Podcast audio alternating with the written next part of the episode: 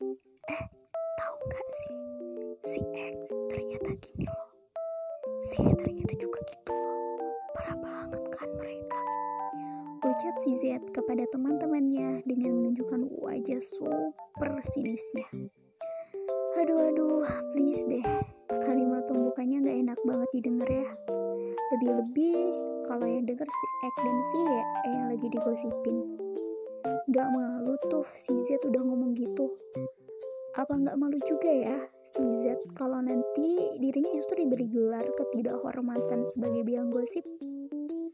Hmm, So, kalian mungkin pernah juga terlibat dalam kisah berjudul gosip. Entah itu kalian yang diceritain sebuah gosip, kalian yang digosipin, atau mungkin kalian biang gosipnya. Nauzubillahiminzalik. Biang gosip?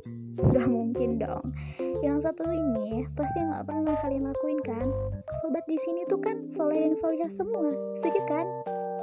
Oke sob, bagi yang udah pernah terlibat dalam kisah berjudul gosip, saya ucapkan selamat. Kok selamat? Why? Karena sampai detik ini Allah masih memberikan sebuah kehidupan untuk bisa menghapus blacklist itu dengan terus berbuat baik serta berjuang agar tidak masuk ke blacklist itu lagi. Alhamdulillah. Hmm, terus buat yang belum pernah terlibat dalam kisah berjudul gosip, gimana? Nah, buat kalian yang belum pernah terlibat dalam kisah berjudul gosip, ya udah, jangan ikuti audisi agar jadi pemeran antagonis alias biang gosip dan para konsumennya dalam kisah itu. Jangan sampai sobat sekalian menjadi biang gosip ataupun pendengar gosip. Kalau urusan jadi tokoh yang digosipin, gimana? Hmm, ya itu sih udah jadi resiko orang terkenal. What? Kalimat kepedean banget ya sob. Ads, bukan gitu juga sih ya. Maksudnya, biarkanlah orang lain berkata dan menilai apa pun tentang kita. Yakinlah hanya Allah hakim yang terbaik yang sebenar-benarnya. Hmm, ingat nasihat Umar bin Khattab bahwa kehormatan orang lain perlu kita jaga agar kehormatan kita juga terjaga. Gak mau kan kalau kehormatan kita hancur lebur hanya karena kita terlibat dalam gosip yang menghancurkan kehormatan orang lain? Coba pikir lagi deh, apa untungnya kita menjelek-jelekan orang lain? Apakah kita dapat uang? Dapat jodoh? Dapat popularitas? Enggak kan? Jadi apa gunanya? Hmm, popularitas mungkin bisa sih didapat, tapi popularitas sebagai biang gosip atau pencemar nama baik orang lain. Kalian mau dapat popularitas macam itu? Enggak kan? Nah, udah gitu, ada bonus plus-plus yang enggak menyenengin hati juga sob.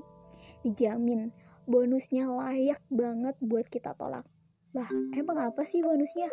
Dapat bonus kok ditolak? Eits, bonusnya itu orang yang buang-buang waktu buat ngegosip dan merusak kehormatan orang lain, bukankah sama aja kayak sedulur alias saudaraan mas setan? Kan udah jadi buang-buang waktu buat kegiatan yang justru merugikan, iya kan sob? Mau dikasih bonus macam itu? Enggak lah pastinya. So, let's kita kabur dari gelar-gelar tidak hormat itu. Mau kan? Hanya kerugian dan kerugian berkepanjanganlah yang akan didapat oleh para penggosip dan pencemar nama baik orang lain. Image buruk sebagai biang gosip dan pencemar nama baik orang lain itu hanya sekelumit balasan yang didapat di dunia. Selanjutnya, kalian percayakan kehidupan setelah kematian? Nah, gimana nasib kita di kehidupan abadi nanti kalau kita mengantongi gelar buruk itu? Yakinkah kita surga akan menjadi tempat hidup terakhir dan selama-lamanya bagi kita? Nanti, lisan inilah yang akan jadi saksinya.